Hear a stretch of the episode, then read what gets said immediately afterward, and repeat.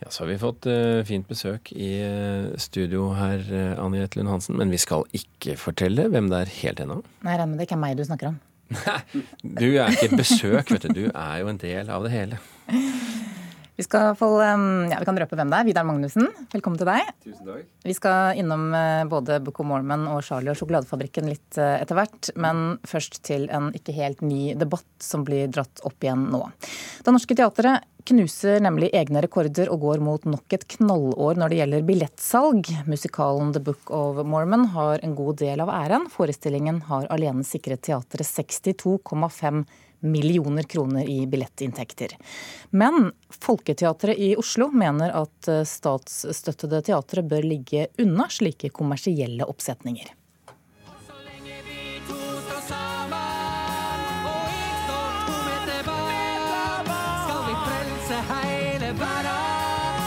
Satiremusikalen The Book of Mormon med Frank Kjosås og Kristoffer Olsen i hovedrollene har siden premieren i september 2017 vært en kolossal suksess for Det Norske Teatret. Det kan teatersjef Erik Ulfsby konstatere. Altså, Vi nærmer oss 200 000 solgte billetter. Kommer til å runde det rundt jul, tror jeg.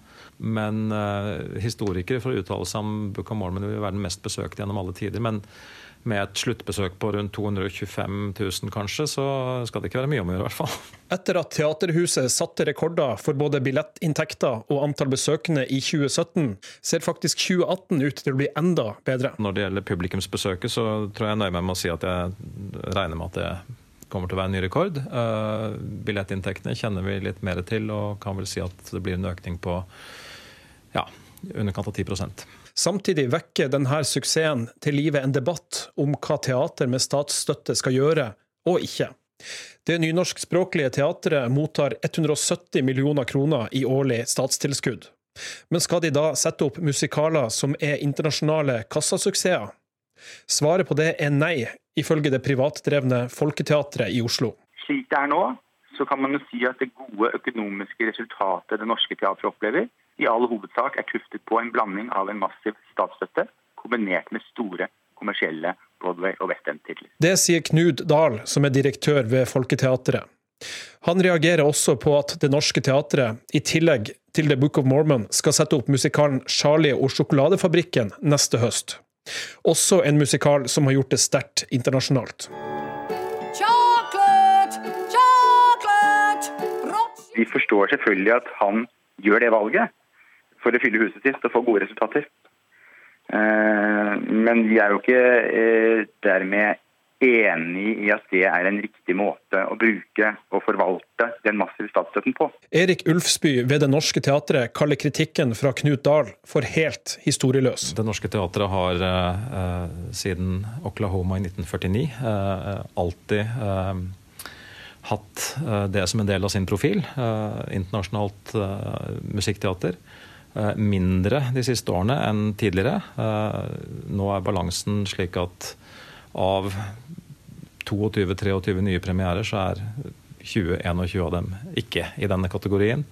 Det ville vært oppsiktsvekkende hvis Det Norske Teatret skulle legge vekk hele sitt DNA og sin profil fordi at noen private eh, skal tjene penger på det et annet sted. Han minner også om hva som er årsaken til at Det Norske Teatret får statsstøtte. Disse store satsingene er og har vært svært viktige for det nynorske språket. Eh, og hvis ikke Det Norske Teatret gjør det, så fins ikke musikkteater i den skalaen på nynorsk, og det ville være kulturpolitisk eh, skandaløst. Ulfsby har uansett tro på et bra 2019 for teatret, og at særlig Charlie og sjokoladefabrikken kan bli et trekkplaster når den settes opp i november neste år. Det er klart med Vidar Magnussen på regi og mye av teamet fra The Book of Mormon, så ser vi fram til et uh, herlig show.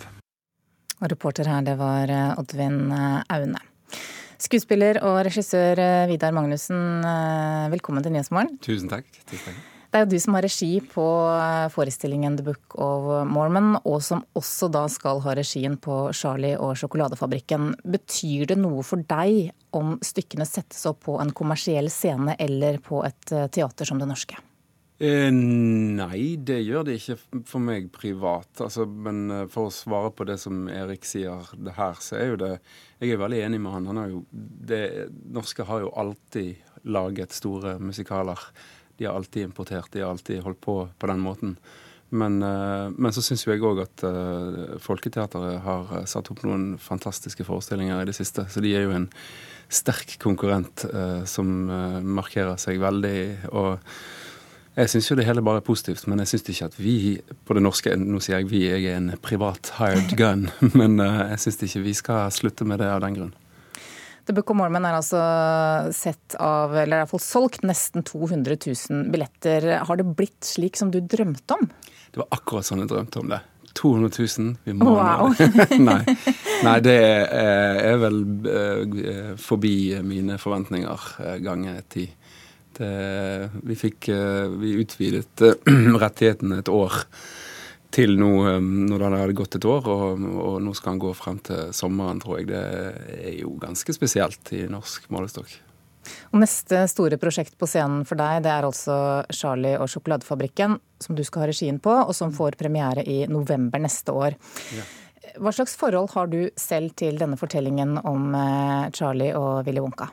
Eh, den sitter jo i ryggraden. Eh, spesielt har han eh, blomstret nå i det siste med Eller de siste ni årene. Jeg har tre unger, opptil ni.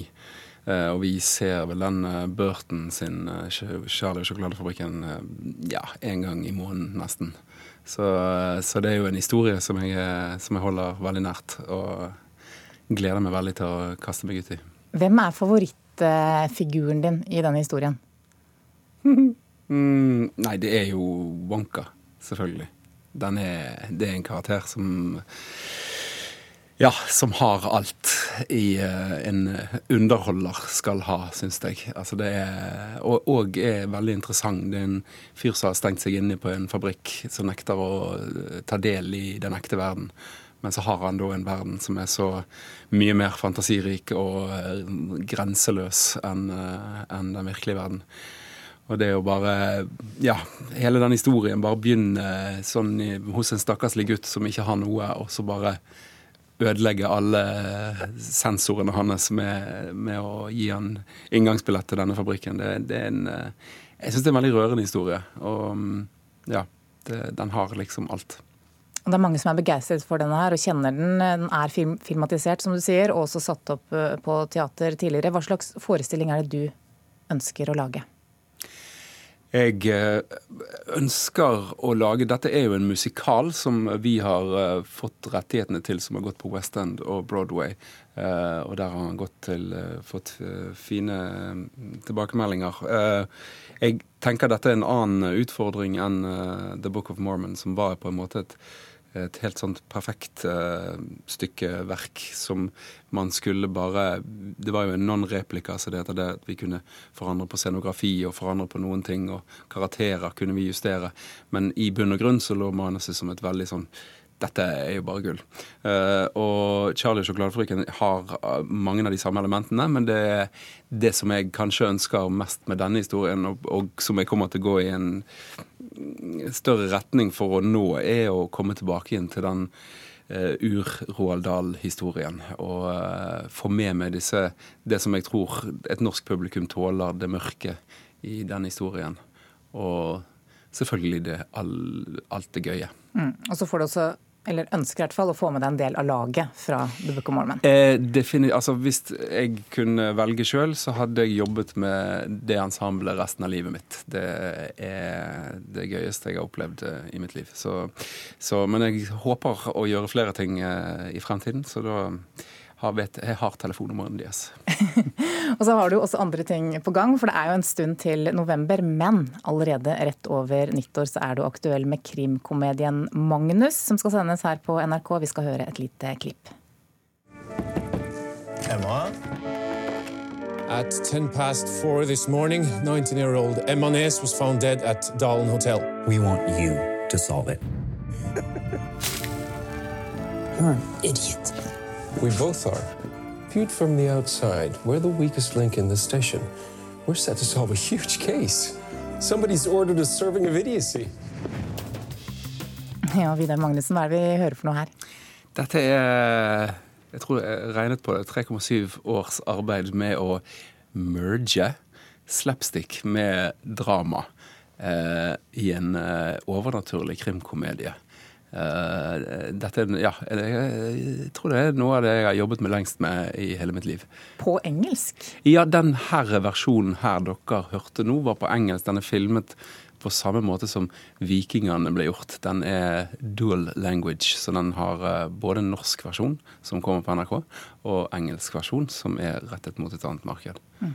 Og hvem er serien uh, rettet mot, da? Um, det, jeg tror det er de fleste aldre. Den har nok en uærliten aldersgrense, siden det skjer en del mørke ting, og en del eh, Ja, eh, historien drar noen vendinger som kanskje ikke passer for de aller minste, men vi merker at de ungdommene vi har vist det til, eh, responderer positivt. Så jeg vil si fra 16 og rett opp i taket. Kan, kan, du røpe når den har premiere, eller? Ja, det tror jeg jeg kan gjøre nå. Ja. Den er premiere 5. januar. Takk skal du ha, Vidar eh, Magnussen.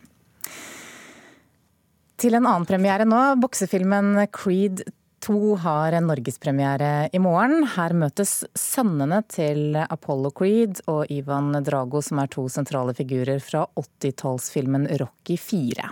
Sylvester Stallone er selvfølgelig også med som Rocky Balboa, og NRKs filmkritiker Birger Vestmo syns at dette er en gledelig potent oppfølger som handler om mer enn bare boksing.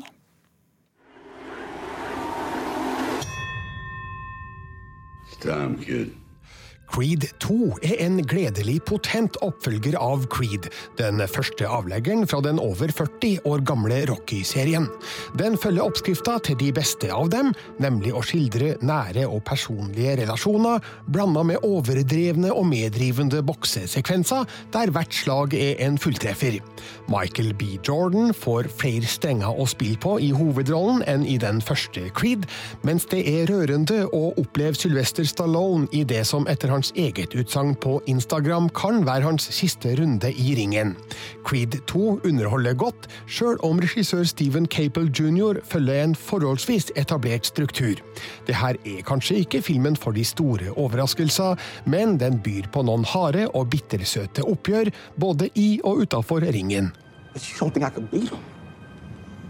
Is that what you're trying no. to say? No, that's not what I'm saying. I'm saying I'm not going to be here forever. And what's that supposed to mean? It means you got to do some smart thinking. Are you want to talk about smart decisions, Rock? Adonis Creed, spilt av Michael B. Jordan, opplever fremgang både med boksinga og på privatfronten, der han og kjæresten Bianca, spilt av Tessa Thompson, er klar for nye eventyr. Ut av det blå blir han utfordra av den russiske bokseren Viktor Drago, spilt av Florian Montenot. Han er sønn av Ivan Drago, spilt av Dolph Lundgren, mannen som først drepte Creeds far i bokseringen, før han ble beseira av Rocky Balboa, spilt av Sylvester Stallone i Rocky 4 fra 1985. Nå vil Ivan ta hevn ved å la sønnen knuse Rockys protesjé, men når Creed bestemmer seg for å ta imot utfordringa, viser det seg at onkel Rocky har motforestillinger om å trene han til kampen. You got everything to lose. This guy's got nothing to lose. I ain't got a choice. That's the same thing your father said, and he died right here in my hands. Listen to me, this guy is dangerous. Creed 2 har sjølsagt langvarige boksescener med en klassisk Hollywood-oppbygging, der det utveksles hundrevis av slag som i den virkelige verden ville ha sendt enhver utøver i gulvet. Det er slik Rocky-filmene og de fleste andre boksefilmer alltid har gjort det. Publikum forventer det, og en mer realistisk tilnærming ville ikke ha vært like underholdende. Creed 2 har i tillegg et stort hjerte for sine figurer, og et godt blikk på mellommenneskelige relasjoner.